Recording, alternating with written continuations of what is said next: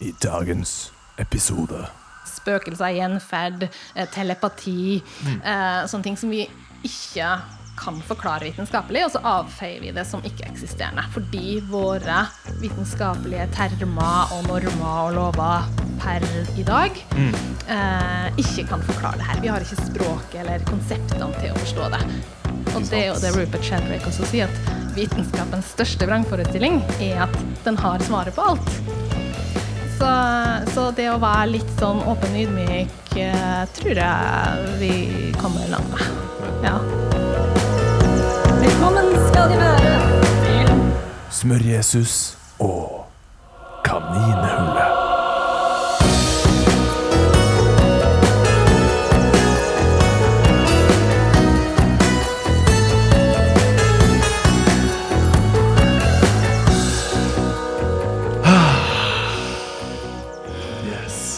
Ok.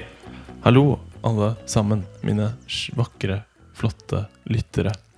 Eh, vi Velkommen tilbake til nok en episode av Smørjesus og Kaninhullet. Yes. Og vi skal nok grave ned i nok et eh, kaninhull i dag.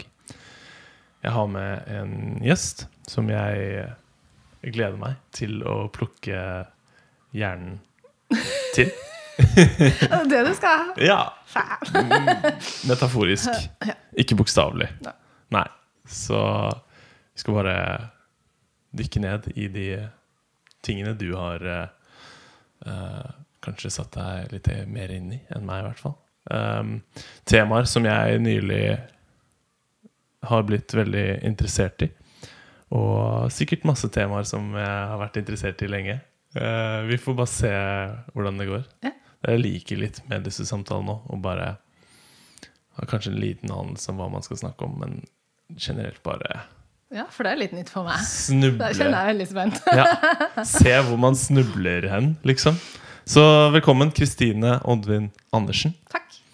Uh, jeg tenker det er fint Jeg liker alltid å høre på en måte Når jeg intervjuer folk som driver med helse, da, og har liksom vært på en, en helsereise. Så bare høre Du kan jo starte med å forklare litt hvordan din helsereise har vært. Eh, og hvordan det startet, og hvordan du nå er her du er i dag. Ja, sitter jo her, da. Ja. Uh, jo, um, det starta jo, hvis vi skal ta kortversjonen, da. Um, starta i 2012 med at jeg ble gravid for første gang. Ja. Eh, og så gikk jo ikke det så bra. Eh, så um, mista um, i uke ti. Og var litt sånn da litt usikker skal For det hører man jo gjerne at er ganske vanlig. Eh, Så en del av hjernen min tenkte at det er ganske vanlig, ikke så mye mer å få gjort med det. Man får bare komme seg videre og prøve igjen. Eh, Så var det også en sånn liten stemme baki, baki den eh, hjernen min som sa at kanskje jeg skulle gå og ta en liten sjekk. Så hadde jeg hørt veldig mye positivt da, om eh, Siri Aabel og Green Doctors. Eh, og tenkt at eh, hun er en sånn helhetstenkende lege som ser liksom på hele kroppen og kan eh, grave litt i det her og se om ting er sånn som det skal, eller om det ikke er det. Så jeg tok en tur dit, og det er jeg jo veldig glad for at jeg gjorde. For det, eh, hun fant jo mye rart i den kroppen her, da. Eh, stoffskifte som ikke funka som det skal, hormoner som var i ubalanse, progesteronmangel. Eh, tarmdysbiose, candida, problematikk. Eh, og da selvfølgelig matintoleranser og diverse. Så hun gjorde en grundig undersøkelse og med masse spørreskjema og så dypt og langt inn i meg, skulle jeg til å si. Og stilte meg masse spørsmål og kom da fram til det her. Så det hva som gjorde at ting gikk som det gikk, er jo ikke så godt å si. Det vil jeg aldri få svar på heller. Så det er ikke noe vits å spekulere i, Men at den kroppen ikke var noe optimalt sted eh, Det var ikke noe optimal bed and breakfast for en liten baby. Det Nei. var ganske sikkert. Ah. Så eh, da var det jo å brette opp ermene, da. Og eh, prøve å ta tak i de tingene her. Så da starta jo liksom det dypdykket, og jeg jobba jo tett med med Siri først, og jeg var også på Heggeli helhetsmedisin den gangen det var. Jeg var på Funksjonellmedisinsk institutt. eh, i forhold til tungmetaller og masse greier. Så det her ble jo på en måte en, et pro livsprosjekt, og en, jeg kan nesten kalle det en hobby. Eh, og det gjorde jo på en måte at det, det ble mer en hobby og et prosjekt enn at jeg følte meg sjøl som et offer, da, kan du kanskje si. Så på en måte, det, da fant jeg ut at ok, det er min måte å reagere på. Så det var jo også fin innsikt å ha med seg. Så da endte jo med at jeg holdt på i to år, da, før vi i det hele tatt prøvde å bli gravid på nytt. Jeg tenkte først at jeg får gi meg sjøl tre måneder. Sant? Begynte å lese masse sånn fertilitetsgreier, graviditets-Roy Dittman, sant? den store, feite boka, Bibelen hans, eh, om unnfangelse og tungmetaller og detox og gud veit. Eh, masse, masse, masse. Og tenkte OK, tre måneder. Eh, og så tenkte jeg nei, det får bli seks måneder. Og så balla det her liksom på seg, og så ble det to år til slutt. Fordi jeg tenkte at nå gjør jeg det heller skikkelig. Ja. En gang for alle. Så du skjønte at det var en større, et større arbeid som krevdes, som Ja. trengte litt mer tid Rett og slett. for å tilrettelegge for en god bed and breakfast Ja. til din, ditt barn? Ja, Rett og slett. Ja. Nei, for det er jo ikke noen sånn pille du kan ta for å reversere alt det her. Det her er jo ubalanser som har tatt år Ja. Mm. eh, sant? å utvikle, og ingen vet helt. altså Vil du aldri helt finne ut hvorfor, men altså i retrospekt så ser jeg jo ok, masse antibiotika, Mm. masse p-piller over, og hormonell prevensjon over mange år. Eh, beinhard trening over mange år. Ja. Det Som ikke nødvendigvis trenger å være negativt i seg sjøl, men som også i denne kroppen da ble antakeligvis en, en belastning som også tappa eh, og påvirka hormoner og sånne ting. Så, og, og, Og kanskje den kosthold. Oppå alt det andre Ja, det- sant. forstyrringene. Det blir det.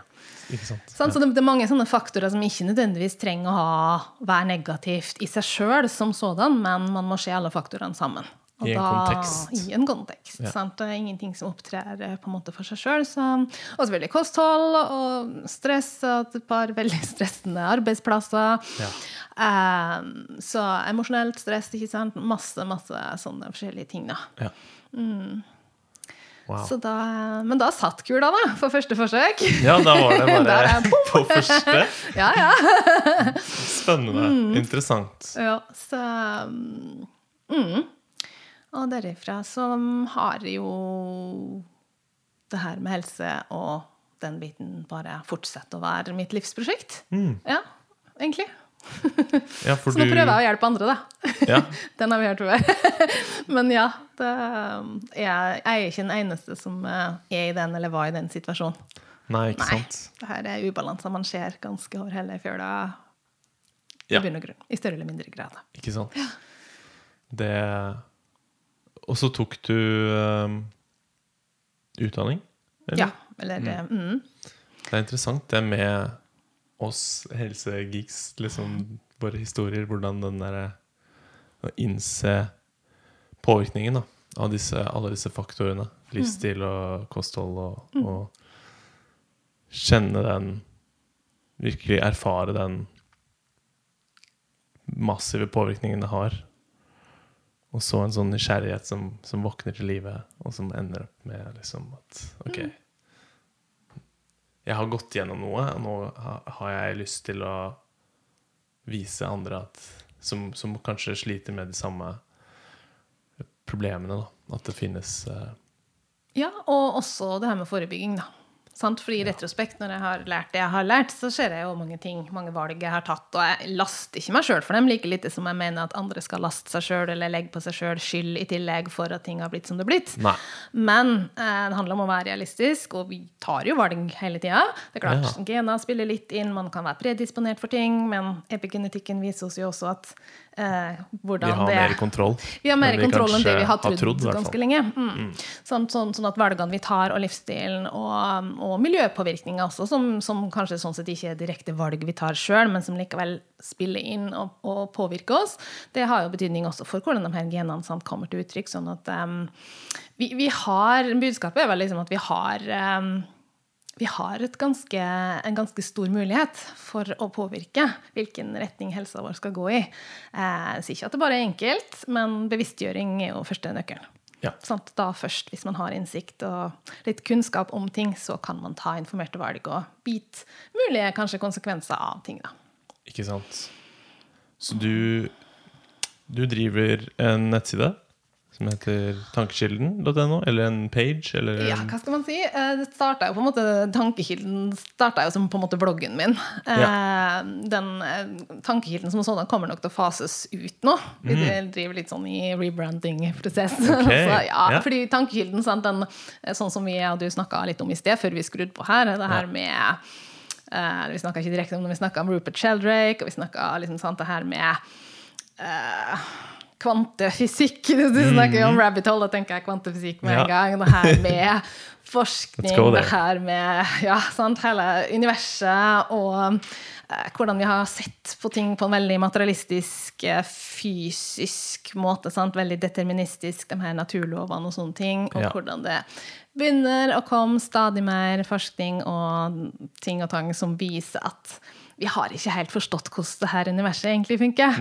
Eh, Så, så der var det egentlig at den type ting var det som, som starta meg, egentlig. Og det var egentlig det tankekilden i utgangspunktet var. En Ja. mer sånn bevissthetsblogg, hvor liksom det her med vitenskap og kvantefysikk og sant, Erik Damman med Bak tid og rom og Ervin Laslo og de her gutta, det var liksom det som var superfascinerende for meg. Og så kom det her med da, helse og sant, en, sant, determinisme i den i den forbindelse også mer og mer inn. Og så når det her skjedde også, så ble det mer, mer og mer en helse-kostholdsblogg. da. Aha. Men det er en, en blogg som rommer veldig mye, så nå um, Det har liksom gjort sin misjon. Ja. Det er på en måte litt eh, ferdig der, egentlig. Ja. Så nå driver jeg liksom og, og for å som vi om, spisse målgruppa og få et mer tydelig budskap, sånn at også det skal være lettere spisbart for folk ute. Så jeg liksom samla matbiten Ja. hos Matmestring sammen med en kollega av meg som bachelor i ernæring. Eh, og så er det jo sånn mammarevolusjon og helserevolusjon som er de Ja. store prosjektene mine. da. Ja, for jeg leste litt om eh, både mammarevolusjonen og helserevolusjonen. Eh, spørsmålet om vi skal gå dit, eller om vi skal gå tilbake til eh, vitenskap. du hadde lyst til det, tenker jeg. og dets fallacies, kanskje. Men eh, Ja, altså eh, Ja, jeg er ikke sikkert jeg får sjansen til å snakke om det noen gang Nei, igjen. let's do it. Eh, det må kanskje være Blir det. du, har du merket at du kan bli litt sånn oppgitt eh, av vitenskapen, på en måte? Ja, altså Ja. Ja? Svaret er ja. ja. Um, ikke, ikke av vitenskapen som sådan. Der støtter jeg jo meg, eller støtter meg til det Rupert Sheldrake, da, han britiske si, Hva han er- for noe, egentlig? en, eh, en smarting. Ja. Uh, kontroversiell smarting som sier at han har ikke noe imot vitenskapen som sådan. Vi trenger vitenskapen. Vi Ja. trenger de vitenskapelige prinsippene. Vi trenger den her orden og den muligheten som det gir for å eh, kunne forutsi, kalkulere, komme fram til ting. Den trenger vi absolutt. Yes. Men eh, den blir eh, sett på eh, gjennom menneskelige øyne. Den blir oppfatta på en måte som å være Hvis noe er vitenskapelig bevist, så er det uomtvistelig. Da er det ikke noe rom for diskusjon. Eh, og så glemmer man på en måte litt at eh, ja, naturen har sine lover. Eh, Rupert Sheldrake utfordrer jo på en måte også det, og sier at han mener, mener at det er mer et prosjekt i, i utvikling. det Ja, også. Eh, det går veldig sakte, da. Men, men sant at det Ting er i konstant utvikling. Ja, og at vi, vi, vi mennesker er feilbarlige. Vi har våre tolkninger av ting. Ja. Det er jo vist at eh, vår forutinntatte antakelse av eh, hvordan ting skal skje, også påvirker hvordan ting skjer. Da er man jo inne på kvantefysikken.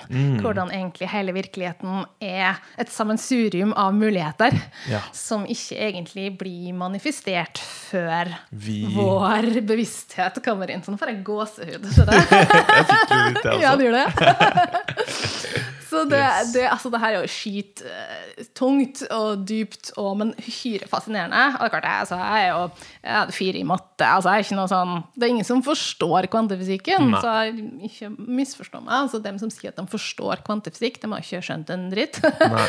Eh, Men eh, det, fascinerte meg liksom tidlig at det her har jo implikasjon, implikasjoner, muligens, eller mest sannsynlig også for meg og deg, eh, hvordan vi lever livene våre, hvordan vi skal velge å tenke om ting. Det ga meg en veldig sånn optimisme. Sant? En mulighet er ikke fastsatt, det er ikke hogd i stein, det er Nei. ikke deterministisk. Det er Nei. ikke sånn at vi Alt er fortsatt der som muligheter som Eh? Vi kan være med å påvirke sjøl. Ja. Så Og at, sin, ja, at sinnet vårt har en stor innvirkning på ja. Hva slags opplevelse man egentlig. Skaper. Mm. Da. Hva man opplever. S ja. Det, og det er jo en veldig empowering greie. Mm. At man er eh, mer kanskje i kontroll enn det man tror. Mm. Absolutt. Og som du sier, at ting ikke er satt i stein. Mm. Ja. Starta vel med den Down the Rabbit Hole. Den leste den boka og så den filmen. Jeg har ikke noe sett den filmen. Nei. Men, nei det er en egen eh, Jeg film så, husker jeg så What the Blip Do We Know? Jo, det er den jeg mener. Ja, det er sorry, den du er mener. mener. Ja, Ja, ja, ja. Det begynner å bli noen år siden jeg så den sist nå. The What the Bleep Do We Know. Ja. Så, Der var ja. alle gode gutta med Greg var- Braden og Yes. ja, hvem Ja. andre? Dean Raden. Og Ja. Candice Pert med 'Molecules of Emotions'. Joe Dispenza. Joe Dispenza. Ja. Ja. Starstruck. Ja. Ja, og det er jo veldig fascinerende med de som kanskje i mange vitenskapelige kretser blir sett på som litt sånn woo-woo, mambo jumbo, eh, spiritual eh, nonsense. Ja. At de, men at de nå virkelig har klart å dra det inn i vitenskapen og liksom få konkrete vitenskapelige Mm. uh, ting som på en måte Gåstein beviser mye av det Mm. som blir sett på som Ja. nei, altså, jeg tror det er altfor mye eh, hva heter det, vitnesbyrd om ting altså Det vi kanskje kaller med en samlebetegnelse for overnaturlige ting. Da. Alt fra tidligere liv, skulle du si. Det er mulig det er en egen kategori, men, men spøkelser, gjenferd, eh, telepati eh, Sånne ting som vi ikke kan forklare vitenskapelig, og så avfeier vi det som ikke-eksisterende. Fordi våre vitenskapelige termer og normer og lover per i dag eh, ikke kan forklare det her. Vi har ikke språket eller konseptene til å forstå det. Men jeg, og det har ikke jeg heller. Men jeg velger, for meg er det helt logisk å tenke at men da er det våre termer, vår vitenskap, som ennå ikke har kommet dit. Ikke sant? Sånn, For 1000 år siden så jeg, jeg tipper liksom at Gudrun og han eh, Håkon, eh, sant, vikingene altså de, de trodde nok sikkert at de var ganske moderne, dem òg. Og Ja. Thor med hammeren sant, som fløy og slo og sant. Eh, torden og lyn. Altså, nå, vet, nå flirer vi jo av det og tenker at det er jo bare helt latterlig. Nå Ja. vet vi jo hva som forårsaker torden og lyn, og vi har eh, vitenskapelige termer for å forklare det her. Mm. Eh, men da var det realiteten. Altså, hvorfor skal det være noe annerledes nå? Jeg syns det er litt sånn lite ydmykt og litt sånn eh, cocky å tenke at nå vet vi alt. Og det er jo det Rupert Sheldrake også sier, at vitenskapens største vrangforestilling er at den har svaret på alt. Nettopp. Så, så det å være litt sånn åpen og ydmyk eh, tror jeg vi kommer langt med. Kommer langt med? Ja. Jeg er helt enig.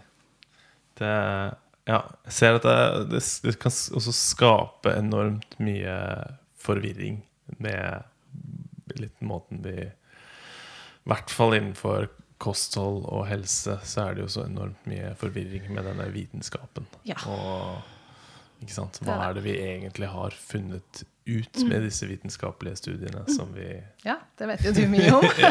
det drar du deg sikkert i håret ofte flere ganger om dagen. ja.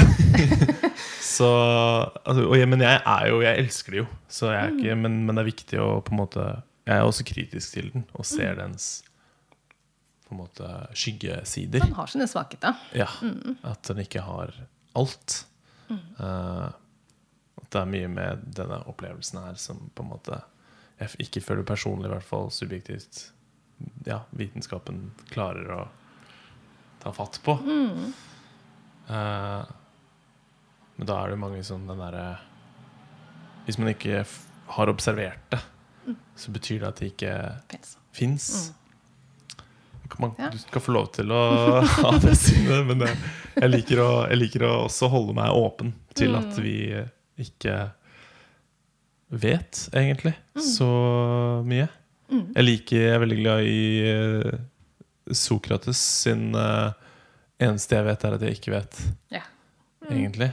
Holdning Mm. Ja. Mm. til ting.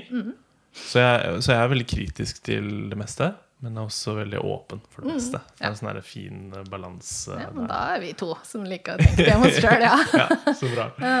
Fint. Et eh, vakkert lite rabbit hole. ja La oss snu det inn eh, til eh, Få høre litt mer om den helserevolusjonen som du ønsker å se. Mm. Helserevolusjon, ja. Um, det eh, handler jo egentlig om at vi ser at helsestatistikkene har ganske røde tall, for Ja. å si det sånn.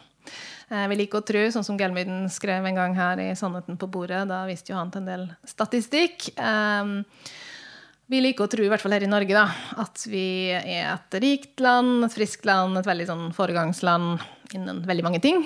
Eh, og så er vi, ligger vi på verdenstoppen, både diabetes og trygd, skulle jeg til å si. Ja. Eh, eh, sædkvaliteten til nor norske menn er jo den dårligste.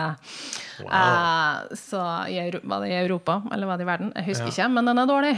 Ja. La oss bare være enige i det, at den er ganske dårlig. Så, så det er Og stadig yngre mennesker. Barn. Altså sykdommer, lidelser, tilstander som overvekt, diabetes 2, som vi før kalte aldersdiabetes, det Ja. rammer også nå barn. Ikke sant? Ja, det ble, Eh. det ble kalt aldersdiabetes fordi det rammet kun gjerne mennesker over 50. Ja, ja, altså eldre eller godt sant? voksne mennesker. eh, som Som vi eh, ser nå små barn Ja. får. Stadig liksom yngre og yngre mennesker. Først var det liksom voksne, altså yngre voksne, og så ungdom, og så til og med barn. Ja. Så det er klart at um, um, det her er ikke bra. det her Nei. må vi prøve å snu. Og så er jo spørsmålet da, hvordan vi gjør det. Eh, og det har ikke jeg noen visjon og mål på at jeg skal snu alene. Bare så det, det pleier jeg alltid å understreke. Men jeg har lyst til å, bidra med mitt. Lyst til å eh, motivere og liksom kanskje få folk til å åpne opp øynene litt for det her. For det er jo faktisk til og med ganske mange som ikke innser engang det. Jeg har hatt mange diskusjoner når jeg har delt ting på sosiale medier omkring helse, og så får jeg liksom svar tilbake at men vi er jo friskere enn noen gang. Vi, er jo, liksom, vi lever lenger enn noen gang, er jo veldig ofte argumentet. ikke sant? Ja. Og så begynner det med den diskusjonen at det å leve lenge, holde seg i live, ikke er det samme som god helse eller livskvalitet. Nei, det er jo mitt fokus. Jeg vil jo heller sjøl personlig leve eh, 70 gode år enn 90 liksom, ræva år, for å si Ja. det sånn. Eh, Eller som de der 30 siste årene hvor du ligger med Og bare blir holdt i live, liksom Ja, for det er jo den vestlige medisinen, og moderne medisin er jo god på det. Holde oss Ja. i live.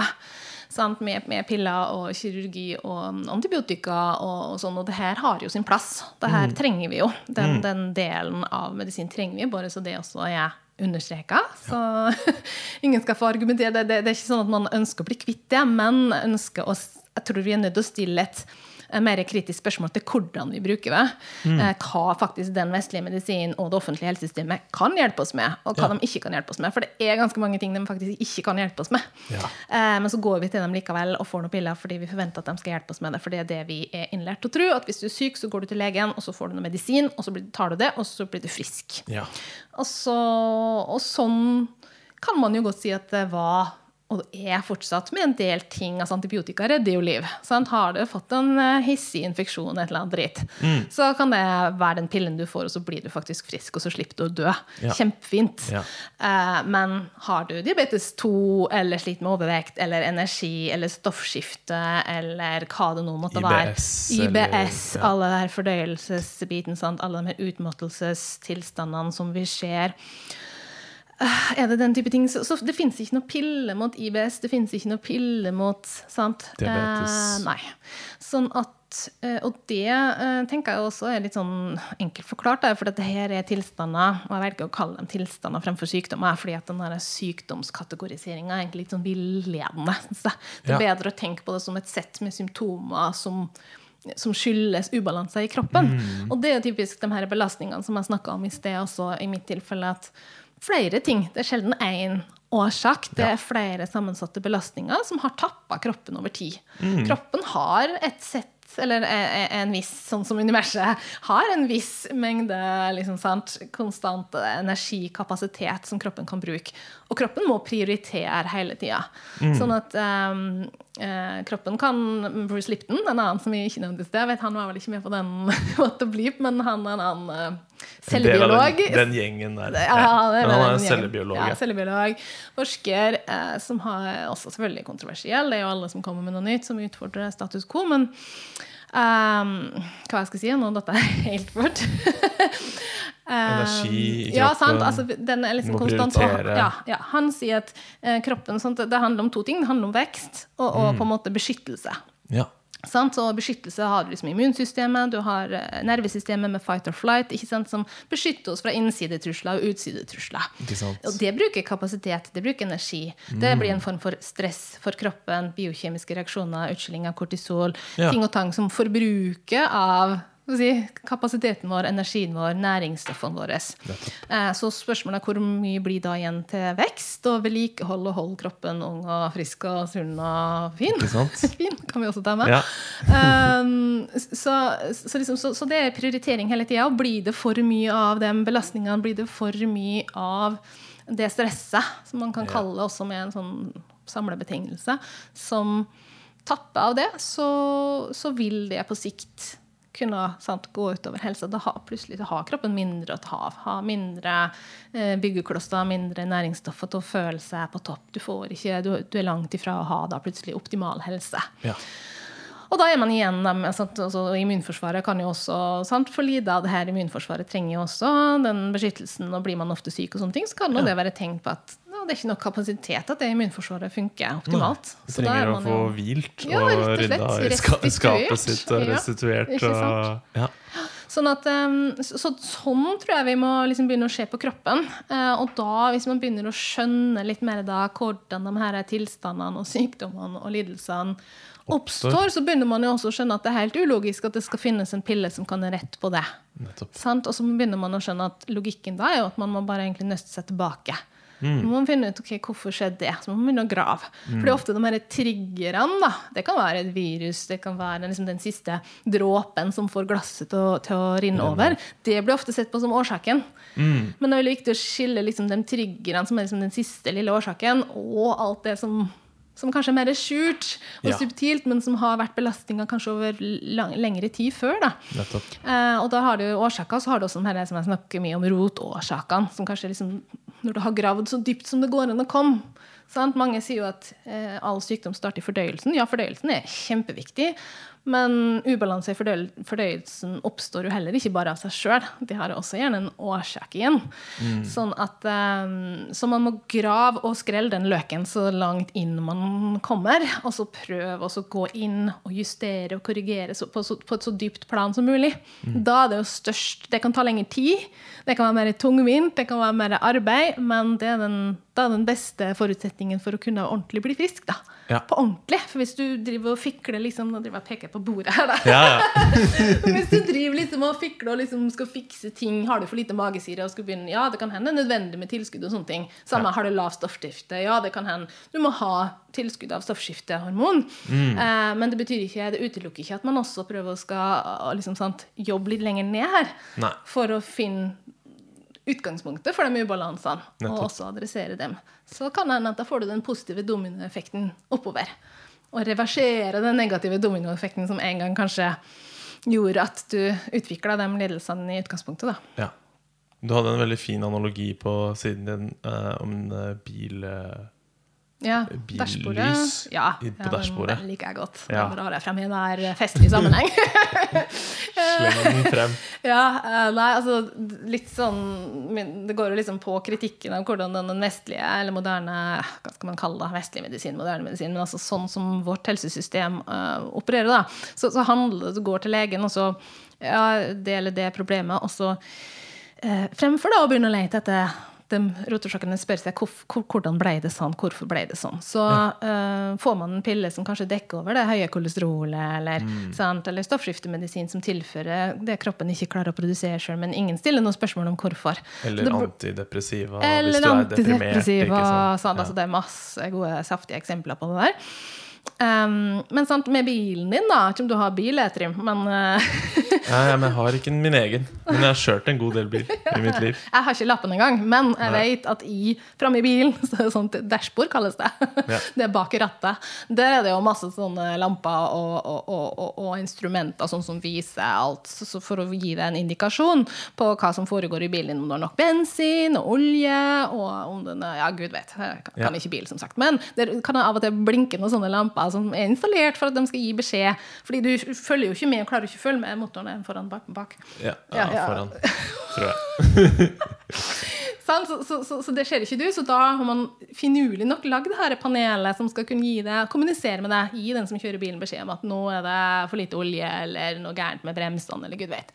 Uh, og da kobler man jo ikke ut. Det er jo ikke at den lampa blinker, er jo ikke problemet. Nei. Så det- blir jo ekvivalenten da, til å drive og ta bort de symptomene, som er en form kan du si, som kroppen kommuniserer med oss og prøver å si at 'hallo', liksom. Det er noe gærent her, det er vondt et sted. Smerte sant, er jo en sånn, en sånn lampe. Ja. Det er noe gærent et sted. Og selvfølgelig, bilen den tar vi på verksted. Mm. Vår bil har vært på verksted nå i en måneds tid. Ja, En liten krasj. Skada for 126 000. Sånn skjer. Eh, ja, men du tar den på verksted. Eh, og, eh, men hvorfor gjør vi ikke det da? mer, men det er liksom, sant? Med, med kroppen vår. Hvorfor er vi da så raske til å fjerne den lampa istedenfor å sjekke bak i motoren? Hva er gærent? Ikke sant? Eh, så det var, en lang versjon av den Ja. kortet. Mm. Men det er en sånn derre quick fix Ja, det er en quick fix. som er en, Jeg føler en sånn Ja. inngravert sånn eh, tendens i kulturen vår Ja. generelt. generelt. Vi vil jo helst ha det enklest mulig. Ja. Selvfølgelig vil vi det. Ingen, ga- Ikke noe gærent i det. Nei, Nei, men liksom? Reality check, så den quick fixa tar deg ikke til mål. Men det kan føles sånn, sant? Den vestlige medisinen kan jo føles veldig mirakuløst, og de får jo til veldig mye mirakuløst med at gud, transplantasjon og alt det, herregud, det er helt gresk. Eh, så det er helt fantastisk. Eh, og antibiotika var jo ganske, og er jo ganske magisk. Ja, ja, ja. Men så Uten har vi gått bananas da, sant? og gitt antibiotika for enhver liten eh, filleting, enten det er virus eller bakterie, sant? Ja. og uten å stille noen spørsmål og sjekka det først. Og så har vi fått et forbanna stort problem Ja. eh, sant? med antibiotikaresistens. Og, Ja, og tarmsystemer som Ja, har blitt tepp teppebomba, liksom. som Som, er veldig viktig for fordøyelse. Ikke sant? Alt starter i fordøyelsen.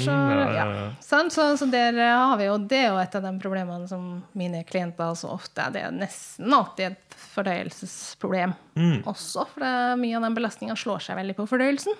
Og veldig mange av de quick fixa som de har vært tilbydd på sin reise, har også gått over, utover fordøyelsen. Enten det er antibiotika, smertestillende, andre medikamenter, sant, ditt og datt. Ja. Så, um, så og det er ikke bare reversibelt, ser vi jo. Sant? De driver jo stakkars og prøver med fekal transplantasjon og, sånt, og prøver å flytte på bæsj. Altså prøver Ja. å finne desperat finne ut hvordan kan vi liksom fikse det her. fordi at er en bakteriestemme teppebomba, som du sier, så er Mm. det ikke bare å knipse med fingrene og se dem tilbake igjen. Nei, det er mye vanskeligere. Og vi ser allergi, vi ser eksem, autoimmunitet. Det Ja. her er ganske heavy shit. Så vi får jo håpe at eh, nå er det jo noen norske forskere som driver og finner noen sånne jordbestanddeler da, som virker som lovende. At det kanskje kan være en sånn missing link. Ja. Var det du som posta den artikkelen om en eh, skole i Nederland hvor Ja, barn hadde fått det, også, ja, eh, det var noe nylig. Mm. grave jord? Yes, så det forskes jo en god del på tarm nå, heldigvis. da. Eh, Så Ja. der, ja, det viste seg at eh, de hadde en rikere og, og mer riktig da, og mer beskyttende eh, tarmflora. Mm. Så, så jeg går jo tur i skauen, og så gnir jeg hendene litt. Vasker meg litt med, med en sånn skogsbunn. Det tenker Ja. jeg er fint å sleike litt på fingrene. Vet. Jeg tenker at ja, jeg vet ikke, men det Så hvis ungene dine er i skauen og begynner, du ser at de begynner å kanskje spise litt jord, eller Ja, så det er mange som mener det da, at, at det har vært naturlig for oss, og at Ja. vi naturlig har fått i oss også, sånn som ikke spiser seg, liksom. Men, men at vi, sant, før, når det var helt annerledes, vi levde jo på i jorda. Vi hadde jo ikke gulv og asfalt, og det var jo, fikk jo det på oss via gjennom være på huden, sikkert i munnen, eh, via maten, alt. Mm. Uh, og at det, de norske forskerne mente jo det at det antakeligvis er en sånn betingelse nesten for at den tarmen vår eh, skal fungere optimalt. Ja. Fordi at problemet, altså Vi har jo vært mye snakk om pro probiotika lenge, og tilskudd av det og sånn, og så har jo det vist litt sånn blanda resultat. Ja. Eh, og liksom, Utfordringen er jo liksom å få de her eh, bakteriene til å faktisk slå seg ned og kolonisere seg i tarmen. Da, Ja. og da, da, da, sant, da må det jo være et eh, det må det være hyggelig der. Ja. Sant? Det må det være gjestmildt. Det må, det være en bra bed and breakfast for de her bakteriene. Mm. Eh, hvis ikke så overlever de jo ikke. Så det må være et hyggelig nabolag. Og det, det er jo det vi kanskje må tenke mer på. Ikke bare liksom tilføre tilfør det som mangles, men også legge til rette fettet eh, rundt. Fjerne de tingene som kanskje Er det også. skader Sant? Tungmetaller, jern, eh, Ja. jerntilskudd og den biten er en egen greie. Jeg tror det så, så lenge det er en buffé for patogene bakterier i kroppen din og i tarmen din, Ja. så kommer de til å feste natta lang eh, før noen på en måte tar bort den maten. Ja. Fjerner den buffeen. Stenger. Så, så, så vil det komme tilbake igjen. Og det blir liksom som å øse vann ut av en eh, lekk båt, på sett og vis. Mm. Ja. Så du kommer liksom ikke i mål. Nei, Nei. nettopp. Så vi får håpe at det, det er lovende. Jeg ble veldig det en glad, årets gladnyhet når jeg leste om de forskerne der som mener at det kanskje kan være en missing link. For det, Wow. Ja, det er veldig for jeg liksom har liksom ikke hatt noe godt svar på. Sant? Folk som ja, man kan prøve probiotika og sånne ting, men har man en fucka tarm, så, så liksom OK, det er ikke bare bare lett å fikse på det, altså. Nei. Nei. Kom, da kan man jo også snakke om amming og Altså optimal eh, oppbygging av tarm. Hvordan, Ja. hvilken rolle det I hvert fall sånn som jeg har forstått, da, så, har det, så er jo det en av de viktige rollene til morsmelken Ja. å bygge en, en god ko, Eller kolonisere en god tarmflora. Yes. Og når det- vi mhm. kutter den for tidlig, kanskje også Med en gang, kanskje. med en gang Mm. kanskje begynner å gi dem uh, morsmelkerstatning. Mm. Som jeg tror kanskje noen få har begynt å tilsette noe eh, laktoferin eller Mm. eh, sånt, fordi de har skjønt det. Ja, den blir nok sikkert mer eh, komplekst enn oss etter hvert. Ja. vi har liksom, sant, vi har sett liksom, Vi ser veldig på overflata, og så ser vi på de store bestanddelene. Mm. Eh, og tenker at eh, morsmelk er mat. Karbohydrater, fett, proteiner, vitaminer. Um, og så har man vært litt sånn blind, og så har man tenkt at morsmelkerstatning gjør jo det samme. Vi tilsetter bare de hovedbestanddelene der, og så er jo på en måte det det samme. Og så har Ja. man mista det som står med lita skrift, for å si det sånn. Ja, eh, sant? Alt det her eh, immunologiske alt, Ja, alt, alle de her bestanddelene som sånn sant? Vi har jo utvikla oss med morsmelk i millioner av år. Ikke. Um, så ikke et vondt ord om morsmelkerstatning. Det redder også liv. Ja. Men vi må være realistiske på at eh, det er ikke helt det samme. Nei. Og vi er tilbake! Ja! I, her på Smør-Jesus. Jeg tror vi bare tar med litt av det vi nettopp snakket om. Ja. Eh, vi kan kanskje komme tilbake til det. Vi skulle Hva var det vi snakket om? Vi snakket om amming ja. og viktigheten av det. Og Mm. morsmelkerstatning. At vi så på dette med Ja, at vi egentlig bare hadde glemt Og les det med små skrift. lest det med småskrift, små skrift. Ja. Ja. Og at det er kanskje hundretusenvis av komponenter i morsmelk som vi bare ikke har forstått oss på. Som er utrolig viktige, som vi hele tiden finner ut er viktige. Og, så, og det tror jeg altså er en fin metafor for så mye uh, med helse. At vi forholder oss da til de her eh, liksom store vitenskapelige, definerte, beviste, håndfaste, lineære årsakssammenhengene, på en måte. Og så um, ja, så, så tror jeg på en måte rett og slett at det er ikke Det vil ikke kunne gi oss alle svar, fordi det gir ikke noe fullgod um, noe fullgode parameter eh, for hvordan faktisk hele verden og universet fungerer. Jeg tror det er sant, bare på det her med fysisk og psykisk, emosjonelt, spirituelt, kall det altså det her eh, Vi ser jo hvordan liksom helsevesenet har delt opp at liksom det er en person da, som kalles eh, psykolog eller en uh, psykiater eller, uh, som, eller en terapeut som beskjeftiger seg med det fra liksom adamseplet og opp. Ja. Uh, og så en lege som på en måte har resten. Og så snakker de kanskje ikke helt sammen, og så snakker de kanskje ikke helt samme språk. Og så glemmer man litt at Sånn som Gabor Maté har skrevet en veldig fin bok som heter 'Når kroppen sier nei'. Prisen vi betaler for skjult stress. Og der har han sett, sett på masse forskning omkring hvordan da eh, emosjonelle opplevelser, det man kan kalle trauma, med en samlebetegnelse. det trenger ikke være store ting, det kan være Nei. mer subtile ting, langvarige ting, små ting. Eh, hvordan foreldrene våre har vært forholdt oss til oss, hvordan vi har blitt møtt, hvordan vi har blitt respondert til. Det her er med på å forme oss og vår personlighet og våre responsmønster.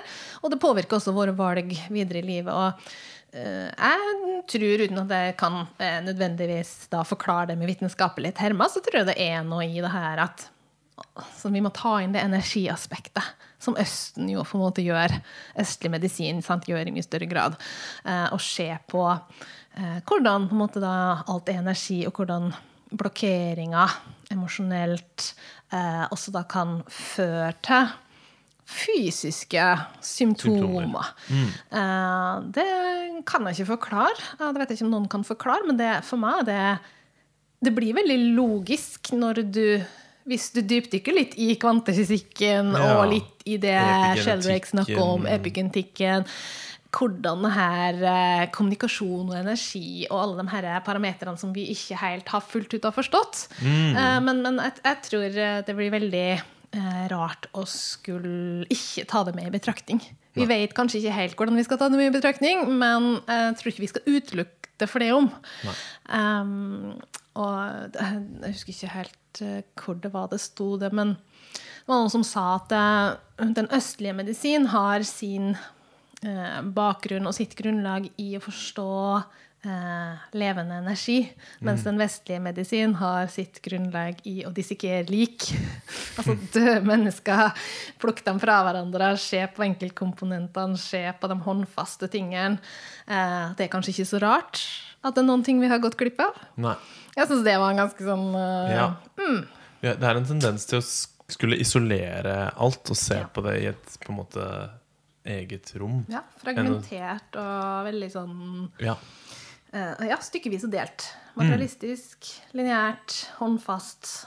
Um, det er liksom den liksom Mange kaller det for liksom, liksom maskulin Ja. eh, tankegang, da. uh, hvor liksom Ja, hvor det har fått litt for stor plass. Left brain, hvis du har Ja, vært inne i left og right brain eh, activity og rollene de spiller. Mm. Så er det veldig sånn eh, Kategorisering veldig narrow. Veldig, Mm. Mens right brain er mer eh, Åpen og åpen, se ting i en større kontekst, kontekst, få inn helheten. Uh, ja, og være mer ydmyk, egentlig. Ja, så jeg tror det er der vi skal, og det er dit vi må. Uh, Dag Andersen har også skrevet en veldig fin bok, den tror jeg har vært pensum på BI. Heter Det femte trinn. Ja. Har du lest den? Nei. Nei, den eh, kan du låne. Ja, gjerne det. Den bør du lese. Det er noe for deg. skjønner. Det er mat for deg. Um, som handler på en måte om hvordan menneskeheten da, som sådan er på vei inn i det som man kaller for det femte trinnet. Hvor liksom um, liksom ferdig med de her veldig maskuline eh, materialisme, eh, kapitalisme, de her emosjonalitetens lover, som skal i større grad komme opp og frem, og i større grad ikke nødvendigvis ta over, men supplere og veie opp.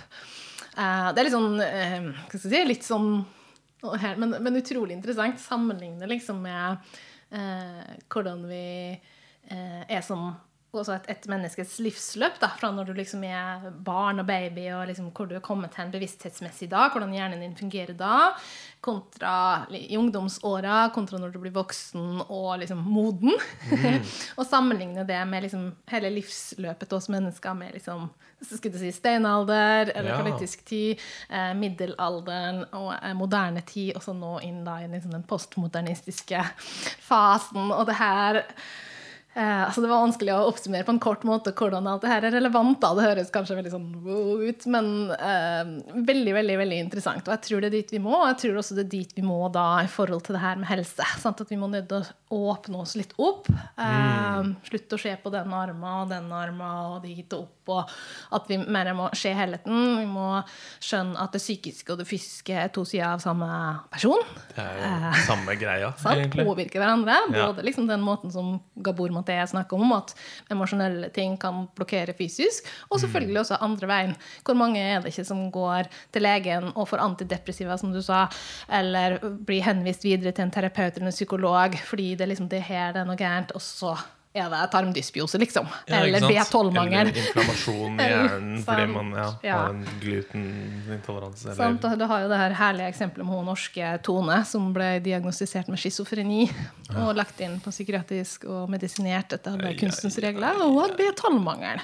ja. Eh, en, en mangel som er relativt enkelt å oppdage på en standard eh, rimelig blodprøve, som ofte tas. Men veldig mange av klientene som kommer til meg, eh, bare der er det liksom ting å ta tak i. eh, for å si det sånn. Og det påvirker nervesystemet, og det, så det påvirker så masse. Ja. Så, så, så det er også litt sånn oversett at eh, det også virker den veien. At Yes. man også må se sant, sammen med, med eh, matintoleranser med barn sant, som har så, som vi kaller atferdsproblemer, som blir gitt Ritalin eller den type Ja. medikamenter, og så har man ikke avdekt kanskje Jeg tror det har flere årsaker potensielt, men at også biokjemiske ting da, Ja. spiller inn. Tarm, helse, eh, om, om det da er peptid eller altså matintoleranseproblematikk, er ingen tvil om at eh, det er ganske mange som har eh, blitt bedre på en måte ved å ta tak i det. da.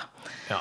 Så, så, så det, dit tror jeg vi, vi må på vei. Men det er klart det må en, en, helt, en enorm endring til i hele mm, systemet. Det syke systemet vi har, som vi kaller et helsesystem, som driver med quick fixes, Ja. a pill for ill.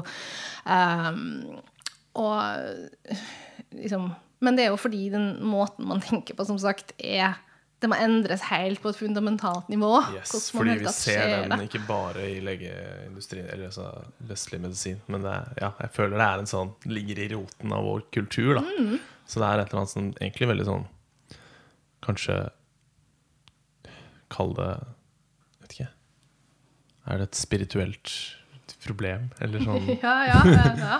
et Et, eh, kollektiv Kollektiv Bevissthetsproblem. Mm. Med hvordan vi bare Vår forståelse av virkeligheten. ja, par paradigme, da. Paradigme. Så, så det, er jo, det er også et av mine, en av mine favorittbøker, den 'Revolusjon i vitenskapen' av Ervin Laslo. Mm. En ungarsk eh, var det. Skulle blitt. Det skulle du blitt. da. Fin tittel. Systemteoretiker. Da ja, nei, men Han er en veldig glup fyr, jobba masse med F hos FN.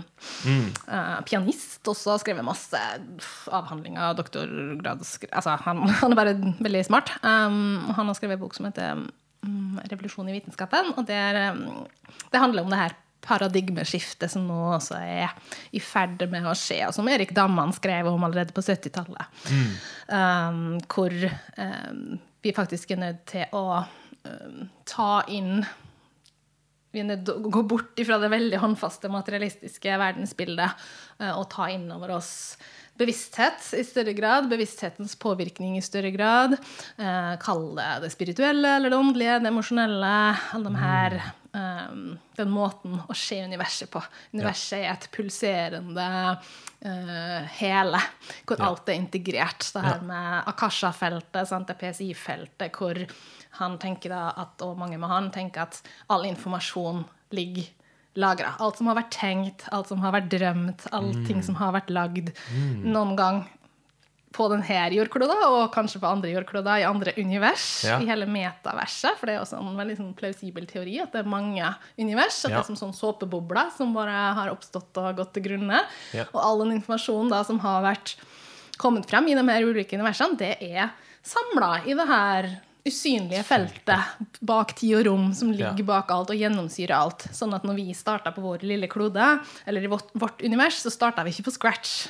Nei. Vi hadde med oss fra den idébanken, for å si det sånn. Fordi egentlig så er det Har vår utvikling skjedd altfor fort til at vi kunne starta på scratch bare ved hjelp av evolusjon. Ja. Det blir som å skulle Sammenligna med at hvis en eh, apekatt får tilgang til en laptop, så kommer Shakespeares samlede verker ut. Så stor er den sjansen Ja. for at det skulle ha skjedd. At liksom intelligent liv bare skulle oppstå bare ved hjelp av de tilfeldige evolusjonære mutasjonene og den Ja. utviklinga. Ja. Så det er noe som ligger bak. Det er et design, det er en intensjon, og det er antageligvis en form for minnebank som gjør at vi ikke starter på scratch. Mm. Og jeg har også da tenkt at kan det være en mulig etter hvert vitenskapelig forklaring på at noen kan se framtida eller se bakover i tid, at de har mer tilgang enn andre i hjernen sin til det her, Ja. all den informasjonen. da.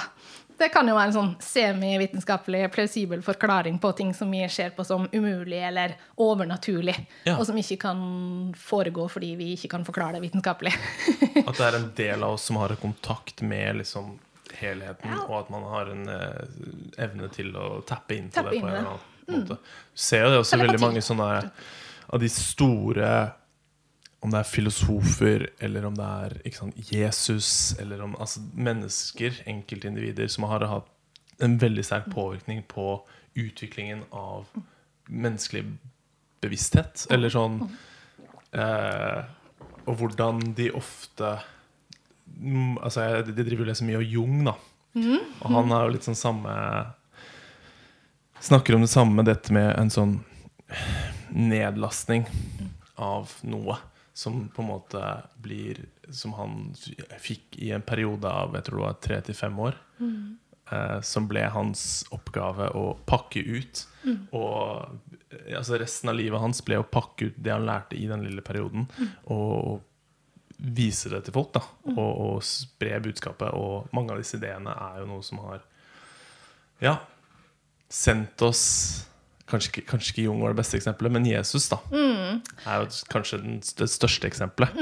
Og så skal man jo spørre om ja, levde faktisk Jesus. Jeg, jeg har ikke dykka så ned i Men som, som et, et punkt i vår utvikling som på en måte bare sendte oss en helt annen sti. Fordi han var litt forut for massene. Og det er Mm. det altså, sant, Dag Andersen og mange av dem her skriver om at liksom, det blir det en større og større andel av mennesker som er opplyst på et annet nivå. Sant? Det blir flere og flere, og dem som er igjen på, en måte, på det forrige nivået, dem dør jo på en måte ut. Ja. Og så innimellom i historien så har det funnes noen sånne enkeltpersoner som plutselig var med sjumilssteg Ja. foran andre, og som og kanskje også fordi Det de- virket som de hadde kontakt med et eller annet. At de fikk Ja. Ikke sant? Og det er også Martin Luther eh, eh, Napoleon Mm. Ja. Mm. mente jo at han hadde en sånn Damon som drev og Han hadde kontakt med. Eh, ja, så det, det Jeg skal sende deg en, eh, en YouTube-serie Mm. som pakker ut en bok av Jung som jeg, ja. som jeg har lest, som er Det du sa om disse fem stegene, da. Mm. Og hvordan vi, man kan se i historien en sånn utvikling av menneskelig bevisstheten. At hvordan vi opplevde eh, virkeligheten for 2000 år siden, var nok ekstremt annerledes. Altså Hvis du ser for deg vår bevissthet som en programvare, ikke sant? som tolker eh, den informasjonen som blir presentert til den, så har programvaren vår eh, oppdatert seg Nye på, godt og, på godt og på vondt. Ja, ja, Men, uh, eh, og at ja, det ser ut som ting har en sånn En order, da. Og han driver jo og ser på mange sånn Analyserer mye kunst, mye filosofi, historie. Og ser hvordan de ser på en måte den bølgen av bevissthetsendring og Som om det skulle være Ja, litt sånn forutsatt, da. Ja. Og dette med astrologi, at vi har vært inne i The Age of the Fishes, som har sine symbolske uh, Og som vi også kan mappe ganske fint i løpet av de to siste årene. Hvordan vi er på vei inn i The Age of Aquarius. Uh, age of Aquarius. ja. Nei, det blir, det blir eh, Ja. Vi, vi, Nå, nå snubla vi nå, dypt datt ned. nå datt vi ned i grøtta her. Jo, men bare for å avslutte, da, så Ervin Ja. Laslo skriver jo den revolusjonen i vitenskapen at Ja. uh, han sier altså det er ikke noe spørsmål om Eller han Du har jo eh, evolusjonistene og kreasjonistene Ja. i forhold til hvordan universet ble skapt, og dem som mener at det skjedde vitenskapelig på en måte, ved hjelp av evolusjon, og så har du kreasjonistene som tenker at det var en, en guddommelig eh, skaper bak. Ja. Eh, Ervin Laslo sier at det er ikke noe grunn til at de skal krangle. Nei, det ikke her sant? handler ikke om eh, kan man si da, um, evolusjon eller intensjon design. Det handler om en, eh, et design for evolusjon. Det er en intensjon, det er en slags igangsettende kraft av noe slag, hva enn man velger å kalle det, men også da for hvordan ting skal utvikle seg. Så han avføyer ikke evolusjon og den måten naturen utvikler seg på, men han ser ikke noen motsetning mellom dem to. Så det er på en måte en fin sånn integrasjon der. Og det var jo også han eh, Jeg vet ikke, det var vel De var vel ikke helt sikre på om det var han som sa det. Han eh, han? er Heisen, Werner Heisenberg. Han atombombens, eh, kvantefysikkens far. Han eh, sa jo liksom det at det første, det første slurken av vitenskapens eh, glass gjør deg til en ateist. Ja. Men på bunnen av glasset så venter Gud på det. Ja, ikke så han, sant. Det er sant, da gått ut igjen. fordi, og det er litt fordi sånn jeg har opplevd det på en måte sjøl. Jeg har vokst opp i en veldig lite troende familie. Veldig, Jeg var, hadde, var en av to som hadde livs, livssynsundervisning og var fritatt for kristendom og sånn på barneskolen. Sant. Er konfirmert borgerlig, er ikke døpt, alt det her. Um, eh, og på en måte veldig sånn indoktrinert med at det vi ikke kan forklare og ikke kan skje og ikke kan ta på, det fins ikke. For det, min far er veldig der. Uh, men så har jeg, denne har lest sjøl, etter jeg ble voksen og begynt å dykke ned i det her, så har, det liksom, har det dukka opp Gud. på en måte har dukket opp, har blitt liksom nyreligiøs. Og jeg kaller det ikke nødvendigvis Gud, men at det er noe mer, Ja. som de sier. Noe mer mellom himmel og jord. Ja. Noe som mange Som blir forklart på veldig mange forskjellige som, yes. ikke sant? Ikke sant? Som man ikke trenger å ta, altså, melde seg inn i en eh, Nei, nei, og man trenger ikke egentlig å krangle om det heller. Nei, ikke sant? Nei. Men at man kan titte litt i alle boksene og lage, danne sitt eget bilde Ja. av det. Altså, det er jo litt samme historie med meg. At jeg har sett på meg selv som en ateist i Ikke sant? Helt til du ble som 25 Jesus. år.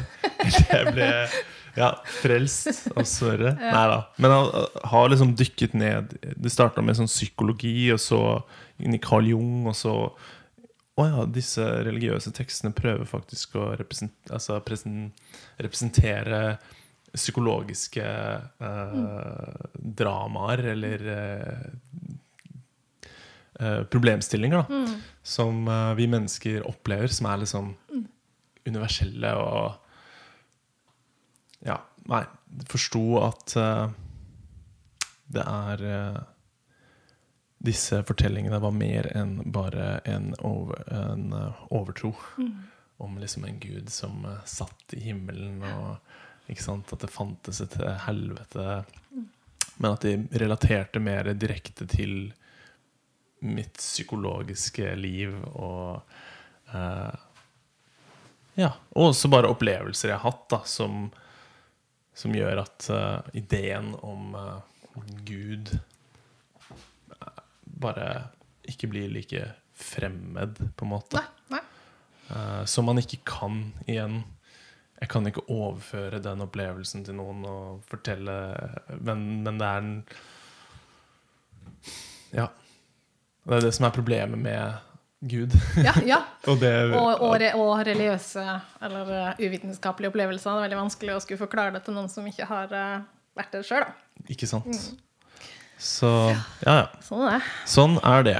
Uh, Jeg, jeg ser jo på det som en veldig sånn balanse. Eller så polariteter. At verden består av polariteter, og at det er på midten av disse polaritetene man uh, finner den gylne liksom, stien. Sannheten. Ja. ikke sant? Og at vi har vitenskapelige sannheter. Og så har vi kanskje også religiøse eller som Jung vil kalle det, psykologiske sannheter. Som man ikke kan liksom, måle på noen sånn vitenskapelig måte, men som har mer sånn, med vår direkte opplevelse av verden å gjøre. Og at ved å liksom gi rom til begge to, og ikke underkaste den ene og sette den andre over den andre, men at liksom, disse to kan faktisk spille på lag, og ved å, ja, ved å kunne integrere begge to, så vil vi nok komme mye raskere dit vi ønsker. Ja, På Eh. en mer behagelig måte, kanskje. På en mer behagelig Ja. måte. Kanskje viktigst av alt. Ja, for når du vipper noe ut av en skala, så jeg tror det bare ikke er, ender godt, da. Nei. Til slutt. Og det var det der vi skulle snakke om eh, kvinnelige hormoner, da? Eller? Ja! Shit, jeg har tenkt på det. Bare sånn, det har gått halvannen time. uh, og nå skal jo jeg lære litt. eh, Nei, men jeg tror det, det, viktigste man kan si om det her med kvinnelige hormoner og syklus og den biten der. Jeg hadde webinar med Siri Kalla, Norges første og eneste um, Hun er eh, certified uh, fertility awareness educator og Wow. uh, holistic reproductive health practitioner. Ja, fordi Så disse, hormon, altså disse prevensjonsmidlene som er ekstremt vanlig å bruke Jeg har ikke noe, vet ikke noe statistikk på hvor mange som bruker prevensjonsmidler Nei, ikke jeg heller i hodet, men uh, av unge mennesker. Uh, relativt vanlig, Ja, kan vi si. Men som er ofte hormon, Er det hormonetterlignende? Altså Ja. de, de, deres funksjon er vel på at de forstyrrer hormonene på en eller annen måte. I Ja, hvert fall sånn liksom- p-piller og Ja, det er liksom forskjellige typer av prevensjon, og noen har mer eh, hormonlignende stoffer, andre typer hormonlignende stoffer, noen har både østrogenlignende stoffer og progesteronlignende stoffer. Det er liksom forskjellig der, da, men felles for dem, som jeg tenker er liksom kanskje det viktigste, er jo liksom du, for, for Siri sa det, det var det jeg skulle si, at Siri sa at du kan ikke tilføre noe sånt til kroppen uten at det blir bivirkninger. Nei. Fordi vi snakker om bivirkninger. Noen merker jo dem veldig veldig godt. Mm. og i hvert fall tall fra USA viser jo at halvparten av alle kvinner som starter på en eller annen form for hormonell prevensjon, må slutte før det har gått et år. Fordi bivirkningene rett og slett blir for sterke. blir for heavy. Eh, De kan være forskjellige. Eh, De kan, sant, vi er alle uh, ulike og har alle kanskje våre svakheter og styrker i kroppen. Så for noen kommer det kanskje frem i huden, for noen kanskje psyken, for noen fordøyelsen. Så det er forskjellig.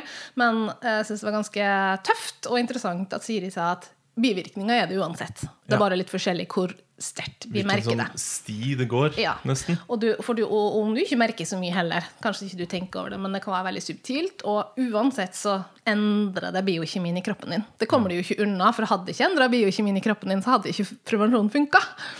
Sant? Mange sånn som p-piller har jo det eh, formålet at den skal slå av eggløsninga. Sant? At den kommer inn, skrur av din naturlige hormonproduksjon, som er sant? spesielt da østrogen og progesteron, som funker i en sånn dans, eller et Ja. orkester, som sier i seg, i løpet av en, en eh, månedlig syklus. da.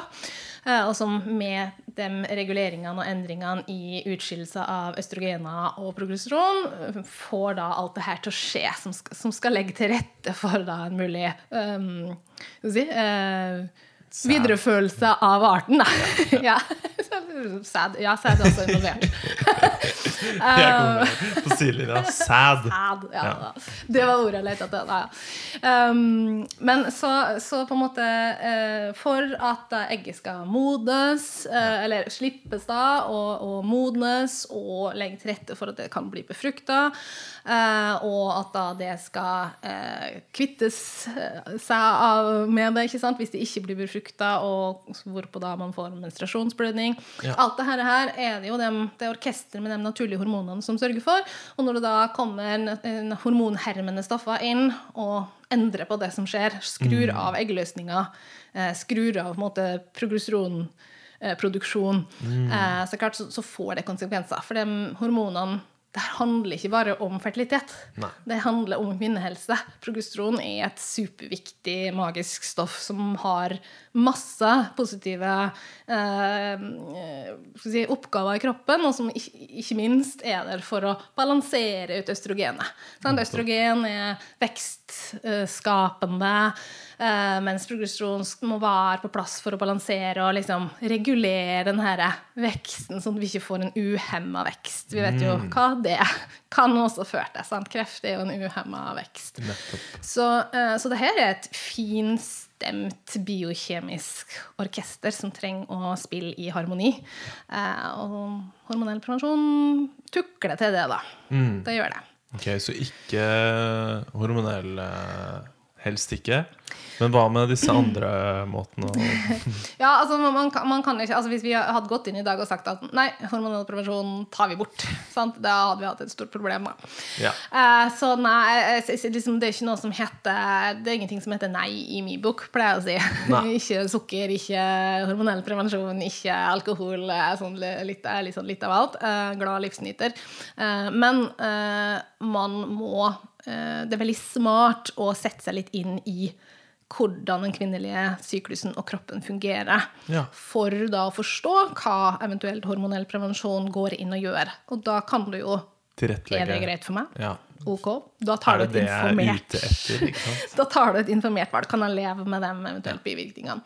Um, pros and cons. Liksom. Alt det, det er ikke noe svart eller hvitt. Det er som sagt bare en verden av gråsoner. Alle må ta sitt valg på Ja. noen tidspunkt i livet. Kanskje det er det mest riktige.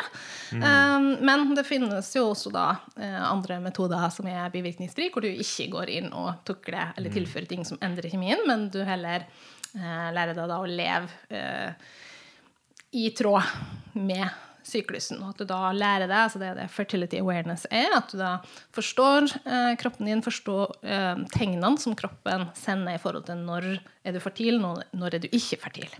Så du tracker eh, de her signalene som kroppen sender deg. Det er jo um, det som kalles altså den justismetoden, er en sånn metode, en symptotermal metode. Det er ikke det samme som å bruke en app eller en sånn eh, fertilitetsmonitor. Nei. Fordi det, den, da måler du temperatur, og så finner du ut når eggløsning, på hvilken dag eggløsning fant sted, og så plotter du det inn i en app som bruker en algoritme for å da skulle forutsi når neste eggløsning skjer. Okay. Det er ikke helt pålitelig, fordi Nei. syklusen er jo et vitalt tegn som endrer seg eh, alt etter Nettopp. hva som skjer i livet ditt. Stress påvirker, alkohol kan påvirke, koffein kan påvirke. Masse ting som gjør at det er, nesten, det er antageligvis ingen kvinne i hele verden som har hatt hele sitt liv en syklus på 28 dager med eggløsning på dag 14 Nei. hele tida. Så, så den kan flytte seg, den tida for eggløsning, så du kan ikke forutsi når den skulle skje. Men hvis du lærer deg å forstå signalene til kroppen, så kan du vite noen ting om helt tydelig når du er fertil. Sammenligna det med at ok, du kan sjekke værvarselet for neste uke, sats på at det er sånn noenlunde riktig, og satse på det. Eh, eller så kan du gå ut og sjekke om det regner. Ja. Og det er en sånn fin eh, metafor, for det er jo egentlig det her fertile sekretet da, som ups, som man skiller ut, som man spesielt tracker. For det er kun på de dagene man har fertilt sekret, at man kan bli Kan gravid. Bli gravid. Ja. Ok, Og hvordan er det man kan tracke det fertile sekretet? Med dopapir. Med dopapir. Ja. ja, rett og slett. At man uh, tørker, og så sjekker om det her eh, slimet er til stede, rett og slett. Så det er et type slim som vil ligge i, i, Ja. på kanten av Ja. Skjeden. I underlivet. Ja, Underlivet. Som du vil få på dopapiret. Det kan Ja. du jo ta opp. For dem som er spesielt interessert, kan man ta opp, og så kan man sjekke konsistensen på det. Ja. Noi, noi, noi. Ja, det er En fin seigt leke og til uh, barnet ditt kan leke ja, med. ja, ja. ja, men altså anbefaler jo å begynne tidlig med det. Um, hun Vulverin Kos, hun svenske som har samme tittel som Siri, som også driver med det her, hun eh, har ei lita jente, og der eh, som hun sa Ja, ta med min eh, lille kjei. Sånn. Hun kommer på badet, og 'Mamma, er det noe slim i dag?' Jeg er litt dårlig svensk, men det er bare fantastisk. Jeg synes liksom det er eh, Og dattera mi er bare sånn eh, 'Mamma, har du blod?' Altså, jeg synes det er kjempefint å få det inn helt naturlig. Og liksom så bare liksom, ja, så ta seg sammen, så snakker man om det på en helt avslappa, normal, vanlig måte. Ja. Og lære, og, og i starten var det skummelt, og var redd om mamma skal jeg òg få blod liksom en gang. Og prøvde å forklare at ja, det får du liksom sånn og sånn. Mm. Når du Men blir nå- kvinne. Mm. Ja, men nå er det Nå har hun godtatt det. I starten var det liksom æsj, nei, jeg vil ikke. Og nå er det litt sånn da var det her sånn, eh, Vi var hjem til Kristiansund til mine foreldre. 'Mormor, har du blod?' Og mormor bare 'Nei, ikke noe mer'. Og 'Å nei, nei, men det, det er bare mamma, det, da'. Og så er jeg etter hvert, sa Og tenkte sånn Yes, nå har hun liksom roa seg med den tanken. Og jeg tenker det er nøkkelen denne mammarevolusjonen også kommer inn. Vi har så stor påvirkningskraft da, på den oppvokste generasjon. Eh, vi må inn tidlig sant? Oh, yes. for å normalisere, for å snakke om de her tingene. Dette har vært tabu altfor lenge, og er det jo fortsatt i mange land, og også sikkert til en viss grad her. At det her snakkes ikke så mye om, mens det er liksom noe ekkelt og, og, og sånn som man helst ikke skal snakke så mye om. Og, og det å bli gravid det er liksom noe man skal være redd for. For jeg er liksom indoktrinert liksom man skal frykte på en måte altså, å komme i ulykka. Sant? Det var jo det det het i gamle dager. Det kom i ulykka. Da ble du gravid uten at du var gift eller sånne Ja. ting. Så det um, Hva var det igjen? Jo, fertilt sekret. Uh, så, så tenker jeg sånn, ja. eh, at det at man liksom kommer litt nærere på, er ikke så dumt. Uh, Nei. å ta med familien. ta Ja. gjerne med familien. Mannen også. Jeg syns det er veldig fint, Trym, at du viser det, den interessen. Ja. Det absolutt, det her er ikke bare kvinners uh, greie, det er Nei. også menn. Det Ja. takes two to tango. Så, så det at, eh, og det å, å skulle bruke en sånn metode forutsetter jo også at man er gjerne i et forhold, eller at den sexpartneren man har, da også er eh, forståelsesfull og aksepterende i forhold til at kanskje på fertile perioder så kanskje avholdenhet man velger, da. Man kan man selvfølgelig også bruke backup-prevensjon på de dagene, men, eh, Ja. men at man eh, sant, At, at liksom det er ikke bare altså det er noen forhåndsregler som må tatt. Det er ikke bare å kjøre på, sånn som hvis man går på p-pille, f.eks., eller har spiral. Ja. Så liksom ikke noe å tenke på for noen. Så det her, igjen, det er ikke en quick fix. Eh, men du får veldig mye på kjøpet da, for Ja. å sette deg inn i det, lære deg å tracke på riktig måte. Så det er noe som Siri Kalla eksempel tilbyr, eh, som du får opplæring i én til én. Og det finnes masse bøker om det, så du kan sette mer inn i det. Um, så um, ja, det er i hvert fall bivirkningsfritt. Og også den justismetoden, når den brukes riktig, så det er 99,6% sikker. Wow. Så, Justismetoden. Justis, ja. Rett og slett en, en sånn symptotermal metode som tracker Wow. symptomer, og um, også gjerne da i tillegg termal, altså at man også måler temperatur om morgenen, Mm. for å kartlegge også da at, at eggløsning har funnet sted. Ja. Mm. Ikke sant. For da endrer kropps, den basale kroppstemperaturen endrer seg, da går litt opp av det skiftet da, fra det er østrogen som fases litt ut, og så det er progesteron som fases litt inn, og skal da overta som hovedaktør i den andre delen av fasen fram mot uh, menstruasjon. da. Så når egget er løst, da Da det Da kan eh, musene danse på bordet igjen, holdt jeg på å si? Ja! ja. ja. Når eggløsning har funnet sted. Altså ikke akkurat gjerne på dagen av eggløsning. Da. Det egget varer der eller ca. 24 timer. Ja. Så, men liksom når man eh, har en dag etter eller så der, etter eggløsning, så kan man liksom danse på bordet igjen. Og da, kan man, da er det ikke mulig å bli gravid. Nei. Så ba backup eh, Hva er det prefererte backup-prevensjon, da? I, I denne perioden hvor man har eggløsning? Al Igjen, da, altså, Hvis du skal ha måte et bivirkningsfritt alternativ, så er jo de her barriereprevensjonsmetodene. Det er jo kondom. Kondom, ja. Eh, billig. Billig og bra. Mm. Eh, og pessar også. Ikke så vanlig, men Pessar? Pessar. Det, er en, eh, Aldri om. det hadde du aldri hørt om. Nei. uh, nei, det er jo kvinnens uh, Kvinnens uh, Ja, på en måte. Altså, det er en, en plast altså, Du har kanskje sett en menskopp? Sånn, Ja. ja. så på en måte litt sånn, men litt annet. Den er forma liksom sånn, som en skål. Og som da må da plasseres inn da litt før på en måte musen er klar for å danse. Ja. Eh, så, og og det, det er jo en barriere. Altså det he, he, liksom hindrer på en måte spermen i å komme. Gjerne brukt sammen med sånn sæddrepende krem også, da, Mm. for å være sikker. Så det, så det er et, eh, i hvert fall et bivirkningsfritt og et ganske, ganske trygt Ja. alternativ. Da. Sæddrepende krem har man også. Det får man også kjøpt. Wow. Da må du på apotek, antagelig. Ja, Ja. ikke sant. Eller kanskje Ja. Mm. Har du, Jeg har aldri kjøpt det, skal være ærlig. det høres brutalt ut. Ja. Men øh, hvis du Naturen er brutal. Ja. altså Det som også er litt, sånn, litt morsom fun fact, da, som jeg liker å dra opp når det her kommer opp i festlige sammenhenger, prevensjon, Ja. eh, er jo det at eh, skjeden ellers, når du ikke Bortsett fra de fem-seks dagene du har, kvinner har fertilt sekret, så er skjeden en eh, drapsmaskin. Da overlever sperm i Vi snakker liksom minutter Ja. før den, den dør. Sånn at Wow. det, det, er feil pH, sant? det er ikke noe å svømme i, det er bare kjipt. Det er liksom, alt er feil. så ing, ingen mulighet for å overleve i det hele tatt. Så, men med det fertile sekretet så kan jo da sperm overleve i fem-seks dager, faktisk. Eller ja, fire-fem, gud vet. Ja, kommer det sikkert an på hvor, hvor øh, bra den der kvaliteten er, da, som vi snakka om. Men, øh, og det er jo årsaken til at det er sånn ca. fem-seks dager i løpet av en syklus man må være forsiktig.